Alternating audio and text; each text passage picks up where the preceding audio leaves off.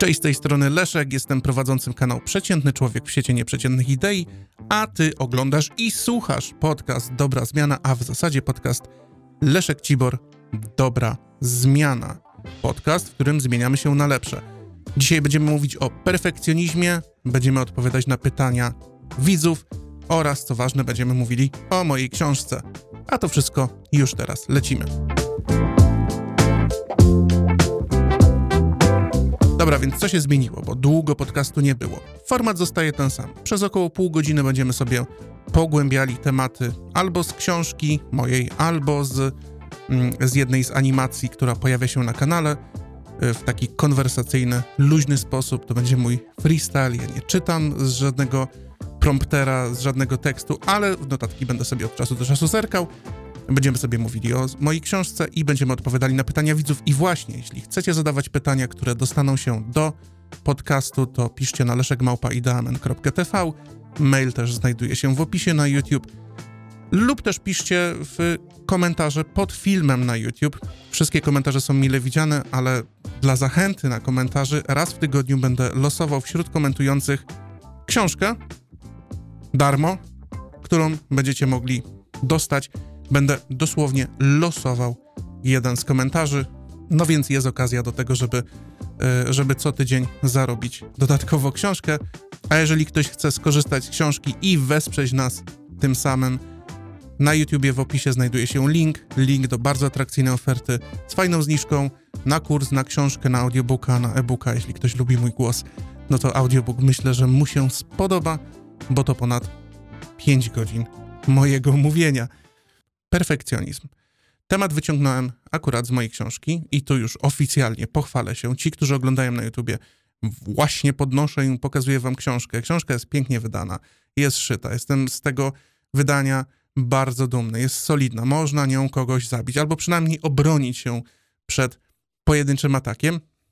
Książka zawiera w sobie naprawdę ogrom wiedzy dotyczącej prokrastynacji. Jeśli mi nie wierzysz, Zajrzyj na Lubimy Czytać, pojawia się tam coraz więcej ocen od osób, które już ją przeczytały. Y, no, oceny są pochlebne, przychylne, z czego mm, dlatego bardzo jest mi miło i mogę się tym y, pochwalić, a, a muszę przyznać, że po prostu jestem z tej książki dumny. Zebrałem naprawdę dużo wiedzy z pracy z kursantami z kursu Pożegnaj Prokrastynacji z pierwszej wersji. Przez pierwsze dwa lata zbierałem informacje do tego, żeby zrobić zrobić tą książkę. Więc pomówmy o perfekcjonizmie i jak ten perfekcjonizm łączy się z prokrastynacją. No więc w świecie rozwoju osobistego perfekcjonizm ma bardzo, ale to bardzo złą pasę. To znaczy o perfekcjonizm w ogóle posądza się wszystko. I parę lat temu, gdy robiłem e, jedną z animacji na temat perfekcjonizmu, też wydawało mi się, że perfekcjonizm to tak po prostu jest zły. Po prostu jest zły. No bo jakie mamy takie ogólne wyobrażenie o perfekcjonizmie? Jest ono takie, że chcemy wszystko dopieszczać do maksimum. To znaczy, chcemy wszystko zdać, każde zlecenie, każdą pracę, każdy temat do zrobienia w sposób absolutnie idealny. Dopieszczamy go przez to bez końca i w konsekwencji, no co się dzieje? No, nie, do, nie, nie dostarczamy nic. Rezultaty są zerowe. I ten problem jest kołowy, to znaczy w momencie, gdy chcemy jeszcze bardziej coś dopieścić, tym później coś dostarczamy albo w ogóle czegoś nie dostarczamy, tym większa nasza frustracja, tym gorszy rezultat jest, bo to jest paradoksalne, że jeśli coś dopieszczamy bez końca, ale spóźniliśmy się, to i tak możemy dostać ochrzan. To i tak recenzja tego, co dostarczymy, będzie, będzie gorsza.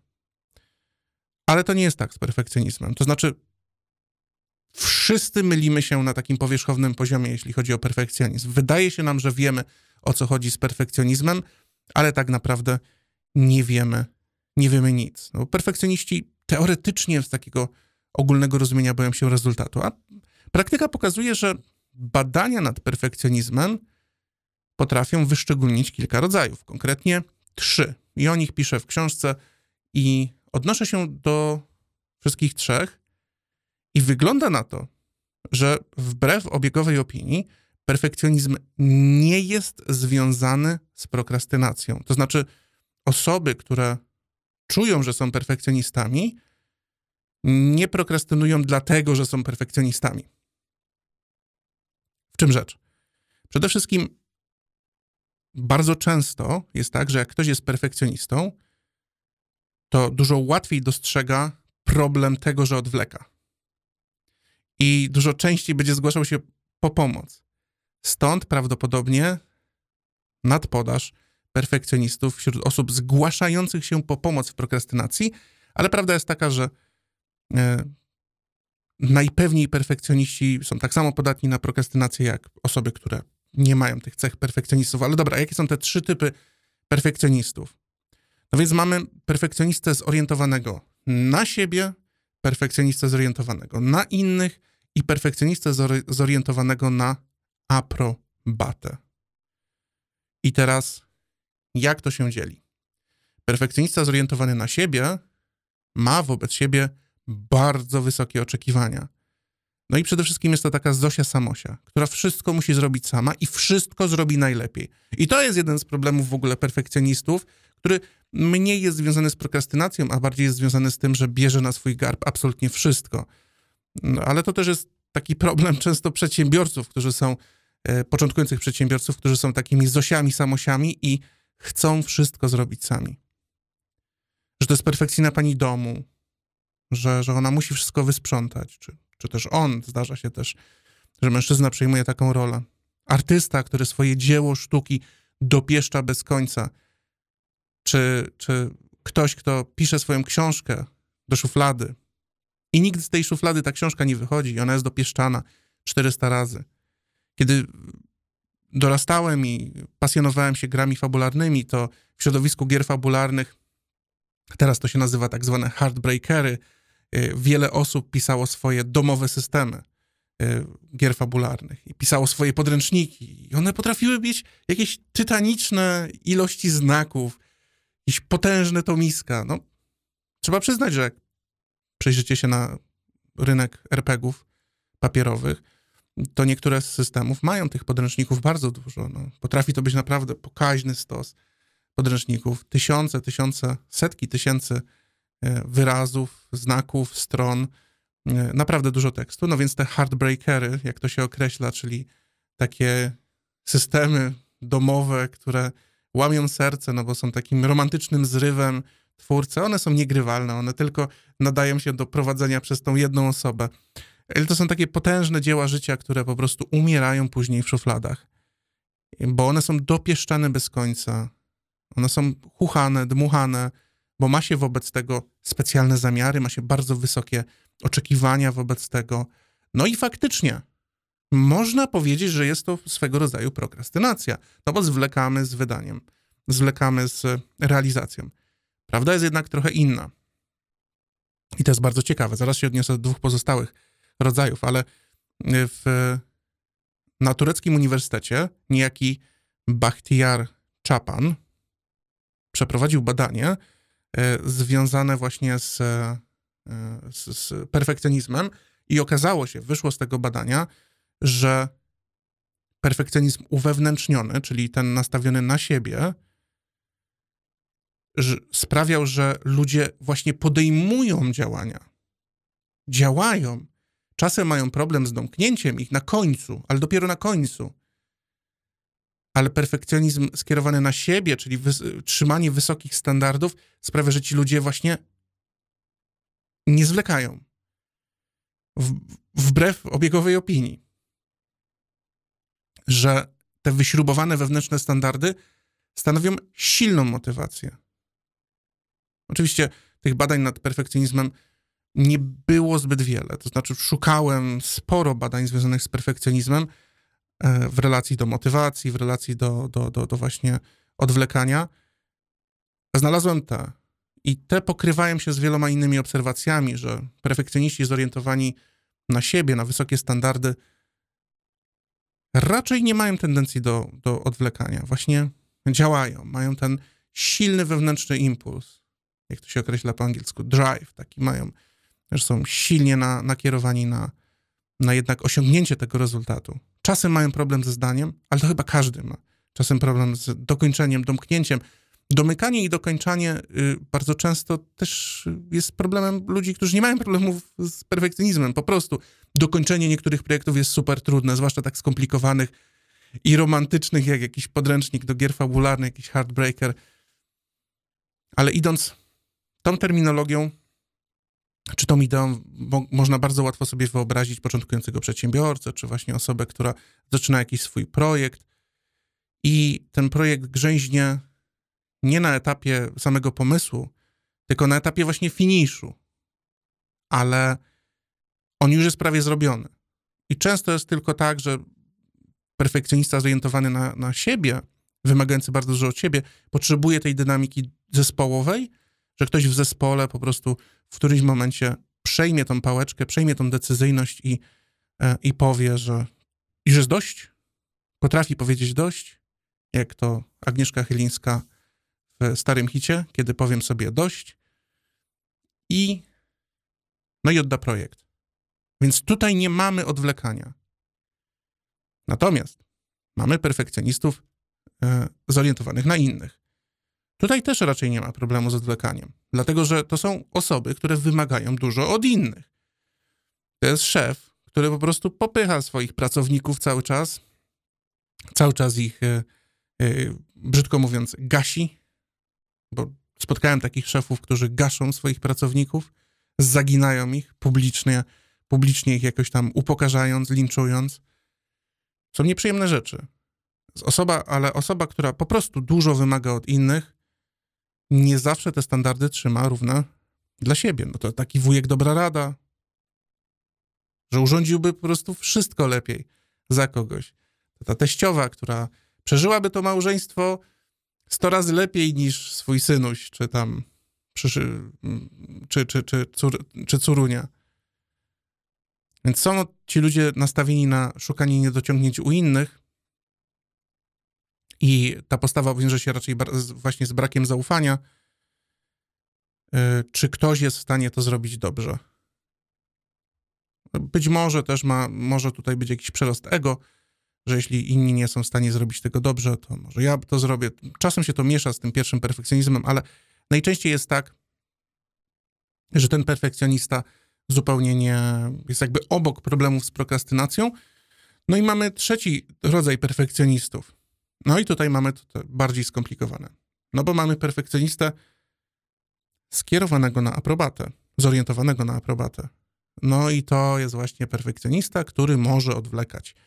To są ludzie, którzy robią rzeczy, bo inni je od nich oczekują, albo robią rzeczy, bo wydaje im się, że ktoś będzie je od nich oczekiwał.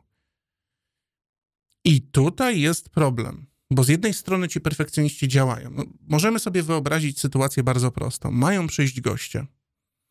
Perfekcjonista zorientowany na siebie chce wyglądać i wypaść dobrze na spotkaniu. Perfekcjonista zorientowany na innych chce, żeby goście zachowywali się dobrze, żeby, e, e, żeby goście przynieśli fajne prezenty, na przykład. A perfekcjonista zorientowany na aprobatę być może stworzy sobie w głowie jakiś obraz tychże, mm, tychże gości i stworzy sobie taki nierealistyczny obraz, że ci goście będą oczekiwali, że będzie perfekcyjny porządek. Że ci goście będą mieli jakieś wybujałe oczekiwania wobec potraw, które pojawią się.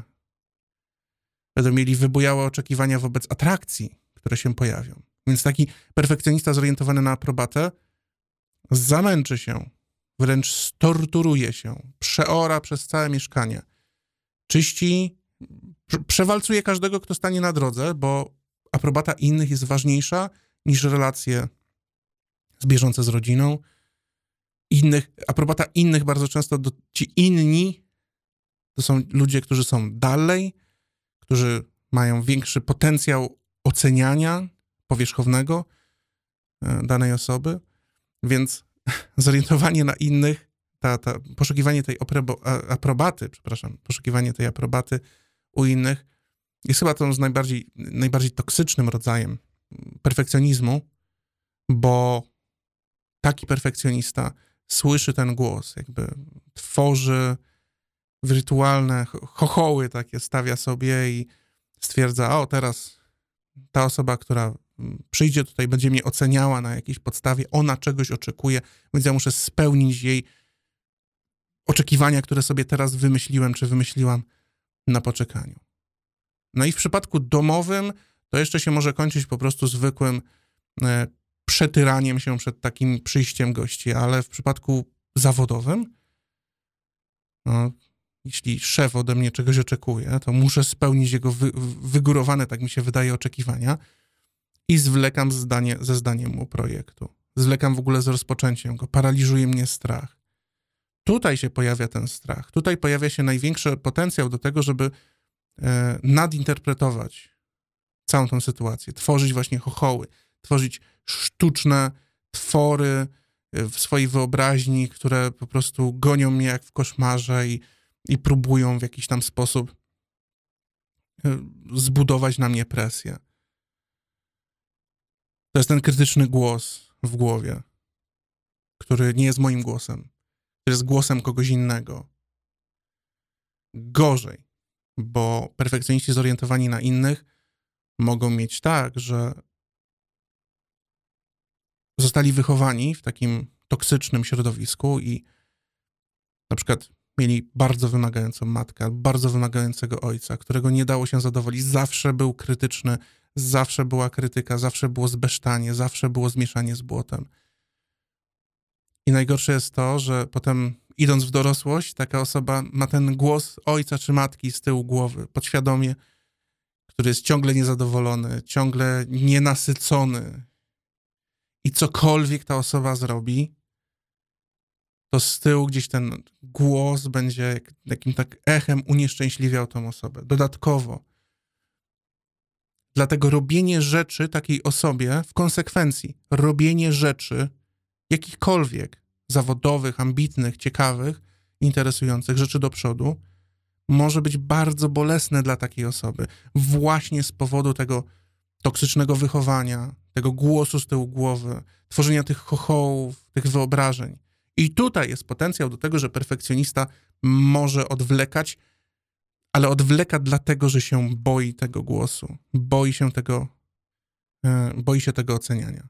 Natomiast perfekcjonizm nigdy nie jest bardzo silnie związany z prokrastynacją. To jest odkrycie, które właśnie dokonałem badając perfekcjonizm do mojej książki, że wbrew mojemu, mojemu pierwotnemu przekonaniu o negatywności perfekcjonizmu, perfekcjonizm nie jest twardo skorelowany z, z prokrastynacją. Że perfekcjonizm jest inną kategorią problemów i tylko ten perfekcjonizm, e, gdzie jesteśmy zorientowani na aprobatę innych, daje duży potencjał na odwlekanie z wyniku właśnie e, tego mechanizmu lękowego. I to, to jest cała ta, cała ta struktura związana właśnie z, z perfekcjonizmem. Więc teraz, jak sobie tego słuchasz, możesz się zastanowić, czy jesteś perfekcjonistą zorientowanym na siebie, na innych, czyli dużo od innych wymagasz, dużo od siebie może wymagasz, czy na aprobatę.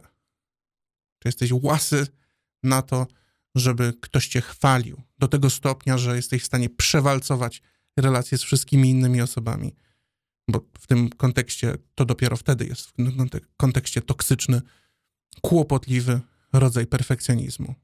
Więc to jest to, co chciałem powiedzieć na temat perfekcjonizmu.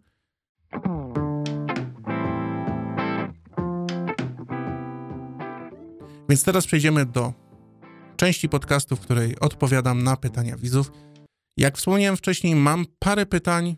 Nie zadajecie ich zbyt dużo na maila ale to dlatego, że animacje też nie mają takiego konwersacyjnego tonu. Oczywiście zbieram bardzo dużo komentarzy w filmach na YouTubie, ale rzadko kiedy są to komentarze, które, które są bardzo obszerne, rozbudowane i takie, które można eksponować, ale teraz obiecuję, że na YouTubie będę zbierał te komentarze i przypomnę, że będę co tydzień komentarz jeden nagradzał, yy, nagradzał książką. Będę o tym mówił w każdym kolejnym Mm, kolejnym filmie i w karcie społeczność na, na YouTube. No ale dobra, chodźmy do pytania.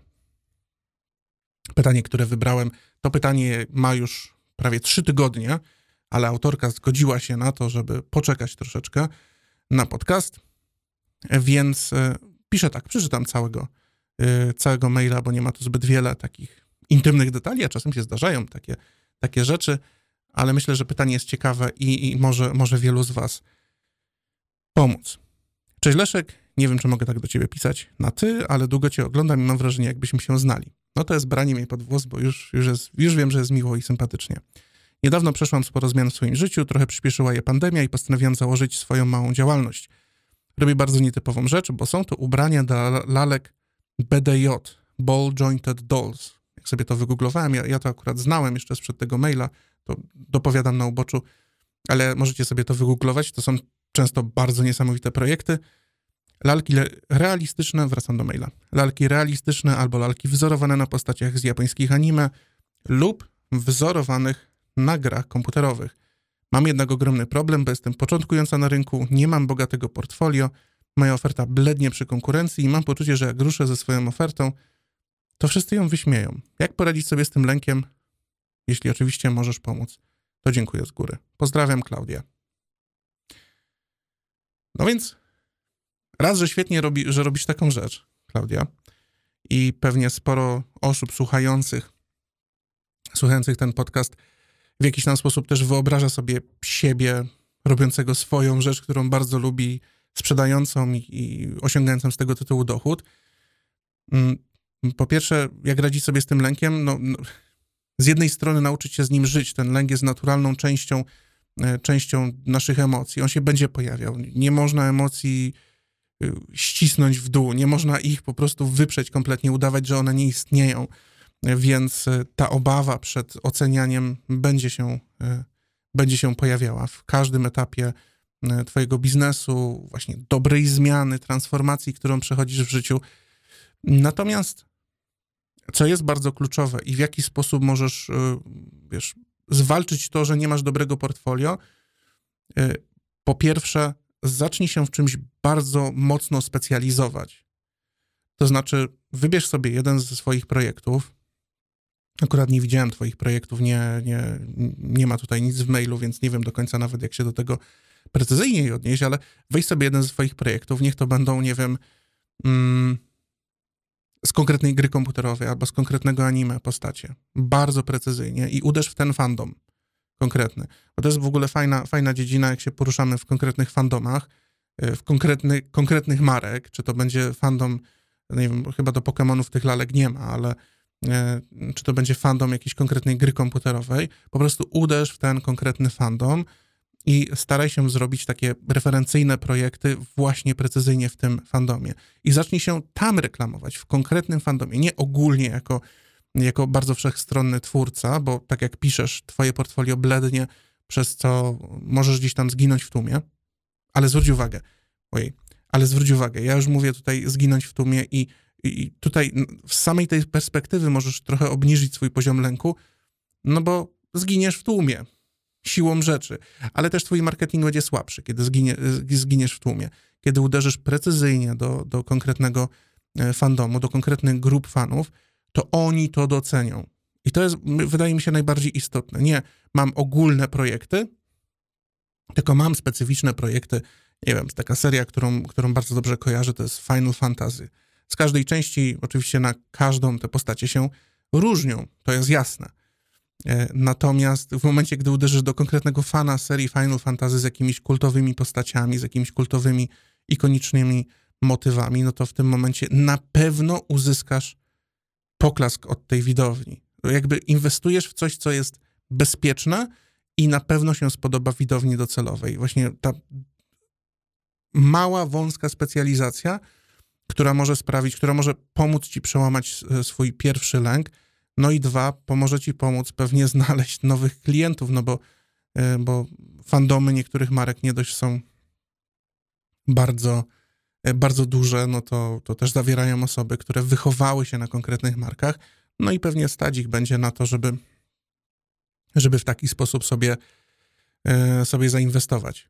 A wiem coś o tym, bo moja żona też interesuje się paroma takimi mm, takimi popkulturalnymi rzeczami i mam w domu już całkiem spore kolekcje, kilka półek właśnie zrobionych przez ludzi, którzy nie są, nie, nie kupiony merchandise od producenta, tylko kupiony mm, kupione produkty właśnie od fanów, czy też od półprofesjonalistów, czy nawet profesjonalistów robiących specjalnie pod tą markę, robiących jakieś fajne gadżety y, czy produkty. Więc lęk można przełamać y, małymi krokami, specjalizując się, uderzając w miejsce, w którym w 100% dobrze się odnajdziesz, to znaczy y, w 100% zostaniesz przyjęta pozytywnie i dostaniesz konkretny, pozytywny feedback i być może jakieś pierwsze, pierwsze swoje poważne zamówienia. Wydaje mi się, że ty już to robisz chyba, tak? Chyba, chyba już sprzedajesz, ale w tym kontekście możesz możesz po prostu zyskać dużo więcej pewności siebie. Więc weźcie też przykład z tego, że na początku zawsze będziecie odczuwali lęk, zawsze będziecie bali się, jak to zostanie ocenione.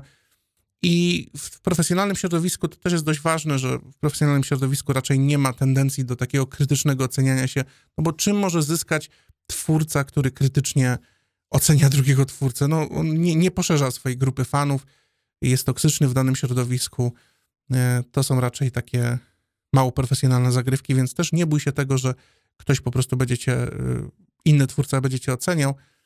Klienci faktycznie mogą cię oceniać na zasadzie twoje jest e, gorsze od, od, od kogoś, kto tam produkuje winy, ale to jest bardzo subiektywne. To w tym kontekście jest bardzo subiektywne. Jak uderzysz w konkretny fandom jakimiś fajnymi, referencyjnymi pracami, wzorcowymi pracami, no to, to myślę, że jest duża szansa, że, że zyskasz e, jakieś pojedyncze pierwsze zamówienia, ale przede wszystkim te, ten pozytywny feedback. Czego Ci życzę? Piszcie komentarze na YouTubie, tak jak mówię, co tydzień będzie rozdanie jednego egzemplarza mojej książki. Obserwujcie kartę, kartę społeczność na YouTubie, lajkujcie, komentujcie, a rozdanie będzie dla osób, które komentują pod tym filmem na YouTubie. No i tyle, słyszymy się za tydzień w kolejnym odcinku. Cześć.